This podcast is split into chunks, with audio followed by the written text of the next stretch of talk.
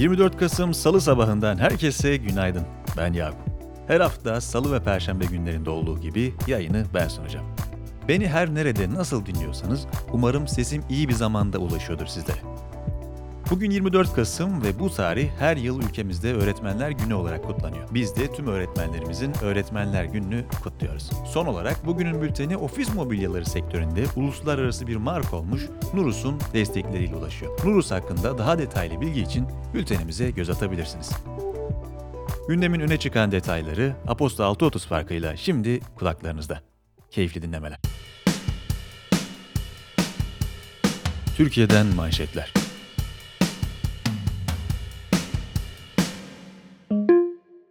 Geçtiğimiz hafta Para Politikası Kurulu kararı sonrası faiz artışıyla 7,50 seviyelerini gerileyen dolar TL kuru bu haftaya 7,65 düzeyinde başladı ve gün içinde 7,95'i gördü. Avro TL ise 9,45'i geçti. Öte yandan BIST 100 endeksi güne 0,4 değer kazanarak 1329,29 puanla tüm zamanların en yüksek seviyesinden başladı. 1314,25 puanla kapandı. Merkez Bankası tarafından açıklanan Kasım ayı finansal hizmetler güven endeksi bir önceki aya göre 2,3 puan gerileyerek 158,6 olarak kaydedildi. Türkiye'den Libya'ya giden Rosaline A adlı yük gemisi, Avrupa Birliği'nin Birleşmiş Milletler'in Libya'ya yönelik silah ambargosunun denetlenmesi amacıyla başlattığı İrini hareketi kapsamında silah taşıdığı gerekçesiyle durduruldu. Almanya Savunma Bakanlığı, Türkiye bandıralı yük gemisinde yapılan aramanın Türkiye'nin geminin uluslararası hukuka aykırı şekilde arandığına ilişkin itirazı üzerine durdurulduğunu açıkladı. Cumhurbaşkanı Yardımcısı Fuat Okyay, AB'nin meşru Libya hükümeti, NATO ve ülkemizle istişare etmeden başlattığı İrini Harekatı son operasyonuyla taraflı olduğunu bir kez daha tescil etmiştir açıklamasını paylaşarak, hukuksuz müdahaleyi şiddetle kınadığını belirtti. Dışişleri Bakanlığı Sözcüsü Hami Aksoy ise İrini operasyonu taraflı bir operasyondur ifadesini kullandı. Ayrıca Ankara'daki AB, İtalya Büyükelçileri ve Almanya Maslahat Güzarı Dışişleri Bakanlığı'na çağrıldı. İrini Operasyonu Komuta Merkezi yaptığı açıklamayla Bayrak Devleti'nden cevap alınamadığını, hiçbir yasa dışı malzeme izine rastlanmadığını, arama faaliyetinin durdurularak geminin yoluna devam etmek üzere bırakıldığını ifade etti. Uluslararası sularda gerçekleşen bu faaliyetin operasyonun yetkisi dahilinde olduğu belirtildi. Taraf Gazetesi'nin 28 Kasım 2013 tarihli sayısında yayımlanan Gülen'i bitirme kararı 2004'te MGK'da alındı başlıklı haberin yazarı Mehmet Baransu ve Murat Şevki Çoban'ın devletin gizli belgelerini ifşa etme suçlamasıyla yargılandığı davada Baransu 4 ayrı suçtan 17 yıl 1 ay hapis cezasına çarptırılırken Çoban beraat etti. Kültür ve Turizm Bakanlığı'nın paylaştığı verilere göre Ocak-Ekim 2020 döneminde Türkiye 11,2 milyon yabancı ziyaretçi ağırladı. 2019 yılının aynı dönemine kıyasla bu yıl yabancı ziyaretçi sayısında %72,49 azalış yaşandı. Ekim ayında Türkiye'yi ziyaret eden yabancı turist sayısı ise geçen yılın aynı ayına göre yaklaşık %60 azaldı. CHP İstanbul İl Başkanı Canan Kaftancıoğlu hakkında Cumhurbaşkanlığı İletişim Başkanı Fahrettin Altun'un Kuzguncuk'taki evinin fotoğraflarının çekilmesine ilişkin talimat verdiği iddiasıyla yürütülen soruşturma için Anadolu Cumhuriyet Başsavcılığı tarafından verilen takipsizlik kararı Altun'un avukatının talebi üzerine kaldırıldı. Altun'un vakıf arazisine izinsiz inşaat yaptığı iddia edilmiş, ayrıca iddia ile aynı gün Altun'un Vakıflar Genel Müdürlüğü'ne kiralama başvurusu yaptığı öne sürülmüş ve Altun iddia sahipleri hakkında özel hayatın gizliliğinin ihlal edildiği gerekçesiyle suç duyurusunda bulunmuştu. Kaftancıoğlu hakkında suçu ve suçluyu övme, suç işlemeye tahrik ve özel hayatın gizliliğini ihlali azmettirme suçlarından soruşturma başlatılmış, delil olmaması gerekçesiyle takipsizlik kararı verilmişti.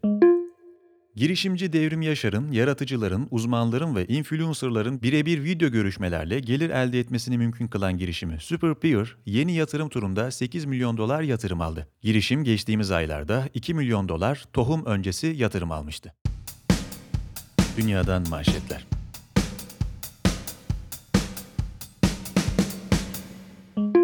İsrail basını, hükümet kaynaklarına dayandırdıkları haberde, İsrail Başbakanı Benjamin Netanyahu'nun pazar günü Suudi Arabistan'a giderek Veliaht Prens Muhammed Bin Selman ve ABD Dışişleri Bakanı Mike Pompeo ile görüştüğünü duyurdu. İsrail Dış İstihbarat Servisi Mossad'ın başkanı Yossi Cohen'in de katıldığı belirtilen görüşmede, ABD'nin Suudi Arabistan'ı İsrail'le diplomatik ilişki kurmaya ikna etmeye çalıştığı düşünülüyor. Geçtiğimiz aylarda Birleşik Arap Emirlikleri, Bahreyn ve Sudan, ABD'nin arabuluculuğunda İsrail ile ilişkileri normalleştirme anlaşması imzalamıştı. Oxford Üniversitesi'nin Birleşik Krallık merkezli ilaç şirketi AstraZeneca ile geliştirdiği aşı adayının ilk verilere göre %70 etkili olduğu, doz ayarlamalarıyla %90'a kadar etkili olabileceği açıklandı. Birleşik Krallık Başbakanı Boris Johnson sonuçları inanılmaz derecede heyecan verici, harika olarak değerlendirdi. Fransa Cumhurbaşkanı Emmanuel Macron, terörle mücadele kapsamında sizi Dağlık Karabağ'a müdahale etme konusunda engelleyen nedir sorusuna, uluslararası hukuka, Birleşmiş Milletler'in tanımlamasına göre Dağlık Karabağ bölgesi Azerbaycan toprağıdır. Egemen devletin talebi olmadıkça müdahale hakkınız yoktur yanıtını verdi. 2007-2012 yılları arasında Fransa Cumhurbaşkanlığı yapan ve yolsuzluk suçlamasıyla yargılanan ilk eski Cumhurbaşkanı olan Nicolas Sarkozy, ilk duruşmasında yargıç karşısına çıktı. Amazon en az bir aralığa kadar kapalı olacak olan Fransa'daki Black Friday indirimi dönemini yeniden açılacak yerel işletmelere destek olmak amacıyla 4 aralığa erteleme kararı aldı. Fransa Ekonomi Bakanı Bruno Le Maire, süpermarketlere ve çevrimiçi perakendecilere kampanya dönemlerini erteleme çağrısında bulunmuştu. Snapchat, esprili içerikler üreten içerik üreticilerinin platformdan gelir elde etmesini mümkün kılacak Spotlight özelliğini duyurdu. ABD, Birleşik Krallık, Fransa, Almanya gibi 11 ülkede kullanıma sunulan özellik için ayrılan 1 milyon dolarlık bütçe, hızla yayılan ve etkileşim alan içeriklerin üreticileri arasında paylaştırılacak. Bu hamle Snapchat'in TikTok'la rekabet etmeye başlaması olarak yorumlanıyor. Politika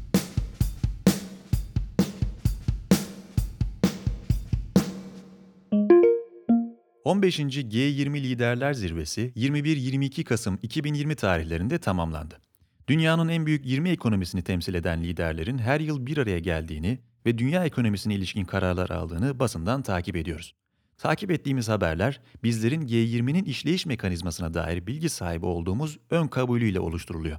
G20'nin kuruluş gayesini, liderler zirvesinin önemini ve seçilen gündem konularının mantığını anlamak, takip ettiğimiz haberleri daha anlamlı kılacaktır. Bir yıl boyunca Suudi Arabistan'ın dönem başkanlığında sürdürülen G20 diplomasi trafiğinin finalini temsil eden Sanal Liderler Zirvesi'ni bir de bu gözle inceleyelim. G20'nin daha doğrusu hala ayrı zirvelere devam etmekte olan G7'nin kuruluş hikayesi 1970'lere dayanıyor. İlk olarak 1973 yılında doların devalüasyona uğramasıyla dünya ekonomisinin çıkmaza girmesi sonucu ABD davetiyle Birleşik Krallık, Fransa, Almanya ve Japonya finans bakanları informal bir görüşme için toplandı. Daha sonra 1975 ve 76'da sırasıyla İtalya ve Kanada'nın katılımlarıyla bu toplantılar gelenekselleşmiş G7 toplantıları haline geldi. 1999 yılında Kanada Finans Bakanı girişimiyle bugün bildiğimiz anlamda G20, 19 ülke ve Avrupa Birliği'ni kapsayacak şekilde oluşturuluyor ve 2008'e dek bakanlar düzeyinde toplantılarla ilerliyor. Başlangıcından itibaren bakıldığında G20'nin kuruluş ve ilerleme sürecinin finansal kriz çözücülüğü misyonuyla şekillendiği görülüyor. 2008 küresel finans krizinin ardından G20 bir dönüşüme uğradı ve bakanlar düzeyindeki toplantılar liderler zirvesine dönüştürüldü. İlk liderler zirvesi 14-15 Kasım'da Washington'da gerçekleştirildi ve G20'nin organizasyon yapısı tamamen değişti. 2008'den itibaren Troika adı verilen üçlü bir sistemle G20 dönem başkanlığını yürüten ülke, kendisinden bir önceki dönem başkanı ve bir sonraki dönem başkanı ülkeyle gündemi belirliyor. Bu yılki Troika ülkeleri 2019 dönem başkanı Japonya, 2020 dönem başkanı Suudi Arabistan ve 2021 dönem başkanı İtalya idi. Kriz çözücü rolündeki G20'nin gündem maddelerinin büyük bir kısmını COVID-19 oluşturdu. Pandemi nedeniyle bütün uluslararası toplantıların sanal olarak gerçekleştiğini, aşının hala uygulamaya geçmediğini ve tüm ekonominin pandemiden etkilendiğini düşünürsek bu durum şaşırtıcı değil. Teşekkür ve kapanış cümlelerinin de dahil olduğu 38 maddelik sonuç bildirgesinin 9 maddesi COVID-19'a ayrılmış durumda. Dünya liderleri aşının yaygınlaştırılması ve küresel sağlık için çalışma sözünü veriyor. Ayrıca finansal sektör başlığı altında pandemi nedeniyle ekonomik zorluk yaşayan ülkelere IMF ile destek sağlanacağı da taahhüt ediliyor. 19 Nisan'da gerçekleştirilen G20 Sağlık Bakanları toplantısında G20 ülkelerinin Dünya Sağlık Örgütü ile küresel sorumluluk alacağı duyurulmuştu. G20 liderleri sürdürülebilir bir gelecek için tarım, su kaynakları, karbon emisyonlarının düşürülmesi gibi konularda aktif rol oynama sözü veriyor. Ayrıca 26. Birleşmiş Milletler İklim Değişikliği Konferansı'nda Paris İklim Anlaşması doğrultusunda alınacak kararlara destek olunacağının altı çiziliyor. Türkiye ise bildirgedeki bu maddeye mevcut iklim mimarisindeki adaletsiz statüsü nedeniyle Türkiye, Paris Anlaşması'nı henüz onaylamamıştır. Sera gazı emisyonlarında ihmal edilebilir düzeyde tarihsel sorumluluğu bulunan gelişmekte olan bir ülke olarak Türkiye, bütün tarafların karşılıklı anlayışı ve katkısıyla bu soruna adil, makul ve tümüyle tatmin edici bir çözümü mümkün olan en kısa zamanda tercihen COP26'de bulunmasını dört gözle beklemektedir cümleleriyle şerh koydu. Donald Trump'ın 2017'de ABD'nin Paris İklim Anlaşması'ndan çekileceğini duyurmasının ardından 4 Kasım 2020'de süreç tamamlandı ve ABD anlaşmadan resmi olarak çıkan ilk ülke oldu.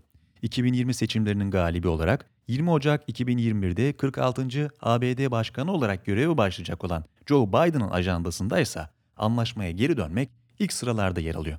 Biden döneminde iklim krizi ve küresel işbirliği gerektiren diğer konularda Washington'un diğer liderlerle birlikte hareket etmesi bekleniyor. Bildirgenin büyük bir çoğunluğu liderlerin küresel ve sürdürülebilir bir kalkınma için oluşturdukları planlardan oluşuyor. Buna göre ticaretten altyapı yatırımlarına, işsizlikten kadınların desteklenmesine kadar geniş bir spektrumda Birleşmiş Milletler sürdürülebilir kalkınma hedefleriyle uyumlu taahhütler sıralanıyor.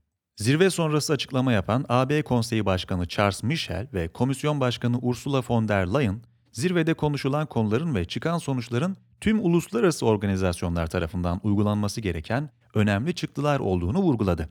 Küresel anlamda G20, Birleşmiş Milletler şemsiyesindeki ajanslar, DSÖ, Dünya Ticaret Örgütü, OECD gibi tüm kurumların işbirliğiyle geleceğimiz için çözümler üretilmesi amaçlanıyor. Öte yandan G20 bildirgelerinin yasal olarak bağlayıcı bir niteliği bulunmadığı için söylemlerin politikaya dönüşmesi liderlerin inisiyatifinde.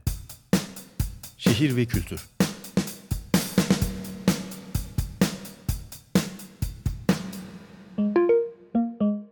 Kuzey Amerika Kentsel Ulaşım Yetkilileri Birliği'nin programı, küresel kentleri tasarlama girişimi geçtiğimiz aylarda ortaya koyduğu pandemi müdahalesi ve toparlanma sırasında Sokaklar Rehberi başlıklı çalışmanın Türkçe, İspanyolca, Portekizce, İtalyanca, Arapça ve Japonca olmak üzere 6 dilde çevirisini yayımladı. Belge, NACTO Vakıf Başkanı Janet Sadika'nın ifadeleriyle son derece zorlu bir zaman ve çoğu büyük kişisel risk altında çalışan kamu görevlilerinin engin deneyimini yansıtıyor. Aynı zamanda tüm dünyada belediye başkanlarının, liderlerin ve plancıların bir sonraki adımlarına karar vermeye çalıştığı noktada onlara rehberlik sunuyor. Vaka sayılarında dünya çapında bir yükselişin ve Türkiye'de ve Avrupa'da yeniden kapanmaların görülmesi, küresel krizi geride bırakmadığımızı ve daha güvenli şehirler için sokak müdahalelerine ihtiyacımız olduğunu gösteriyor. Janet Sadikan, bu dönemde geliştirilecek müdahalelerin yeni bir şehir anlayışının provası olacağını dünyadan örneklerle sunulan yenilikçi ve düşük bütçeli sokak tasarımı stratejilerinin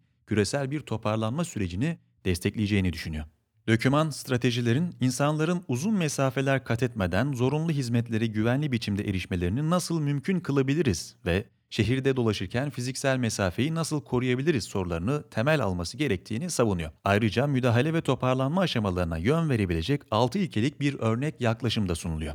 Finansal ve sosyal kaynakların herkese eşit dağıtılmadığının bilinciyle öncelikle korumasız ve yardıma muhtaç olanların desteklenmesini öneren çalışma, bir diğer yandan uzun vadeli toparlanmada sokakların rolünün farkına vararak açık hava alanlarının artırılmasını tavsiye ediyor.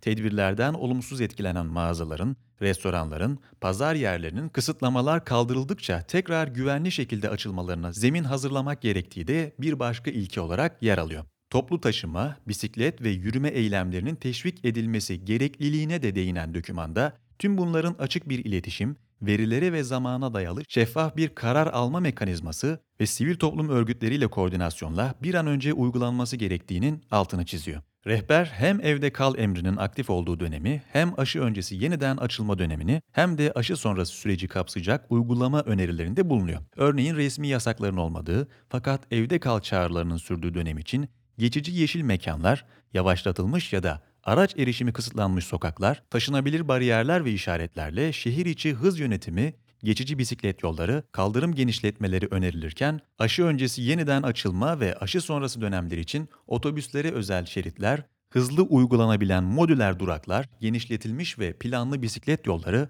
kaldırım genişletmeleri, belirlenmiş teslimat alanları gibi uygulamalar öne çıkıyor. Kritik sosyal hizmetler başlığında gıda, temizlik, sağlık hizmetleri için geçici mekan sağlanması gerekliliği, San Francisco'da evsiz kalan insanlar için oluşturulan izole çadır kampı üzerinden örnekleniyor. Güney Afrika'da, Johannesburg'un güneyindeki Leneja'da ise hızlı uygulanan çadırlar test alanlarının genişlemesini olanaklı kılıyor. Letonya'da geçici kaldırım uzantıları ve hız limitleri kullanılarak bisikletliler için oluşturulan konforlu yollarda ya da Bogota'da şehir çapında 50 km saat olarak düzenlenen hız limiti sokak geometrisini yeniden tanımlayarak merkezi ve uzun sokaklarda hız yönetimiyle yaya ve bisikletli trafiğine alan yaratma örnekleri arasında gösteriliyor. Diğer yandan yaya aktivitesinin güvenliğini sağlamak için daha görünür yaya geçitleri yaratmak gerektiğine uygun olarak Oakland'da geçici koni kullanımına dikkat çekiliyor ve Brezilya, Almanya gibi ülkelerde uygulanan açık sokak uygulamalarına yer veriliyor. Bisiklet yolları, durak ve toplu taşıma düzenlemeleri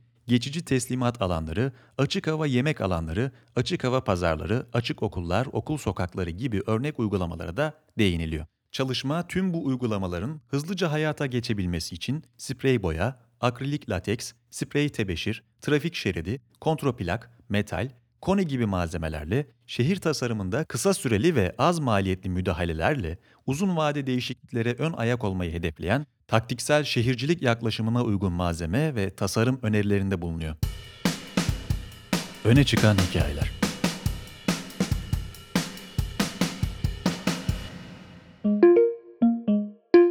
Fintech İstanbul Danışma Kurulu üyesi Soner Canko, Pareto'nun bu hafta yayımlanan sayısında dünyayı nakitsiz ekonomiye hazırlayan noktalara değiniyor.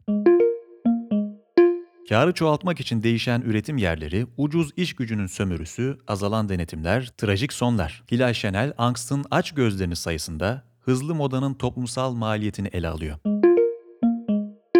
Tenis dünyasında yeni bir isim yükseliyor. Naomi Osaka.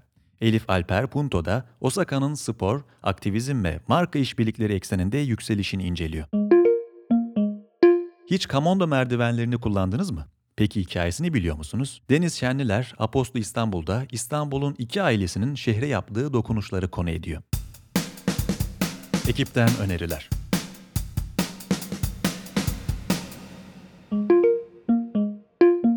Tarımı nasıl bir gelecek bekliyor? Dijital tarım tabirinden ne anlamalıyız? Yapı Kredi'nin farklı disiplinlerde gelecek öngörülerine odaklandığı podcast serisi Geleceği Konuşalım'ın bu sorulara yanıt aradığı bölümünde Cüneyt Toros'un konuğu, tarımda dijital dönüşüme liderlik etme misyonuyla çalışan Doktor'ın CEO'su ve kurucu ortağı Tanzer Bilgen.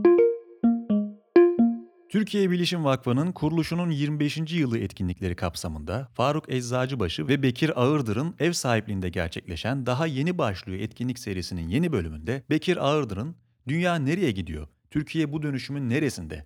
Geleceğe dair senaryoların çoğu distopik bir hikaye anlatırken henüz hikayesini bilmediğimiz geleceğin ütopyasını nasıl yazar, nasıl hayata geçirebiliriz sorularına odaklanan kitabı hikayesini arayan gelecek ele alınacak. Daha detaylı bilgi için bültenimize göz atabilirsiniz.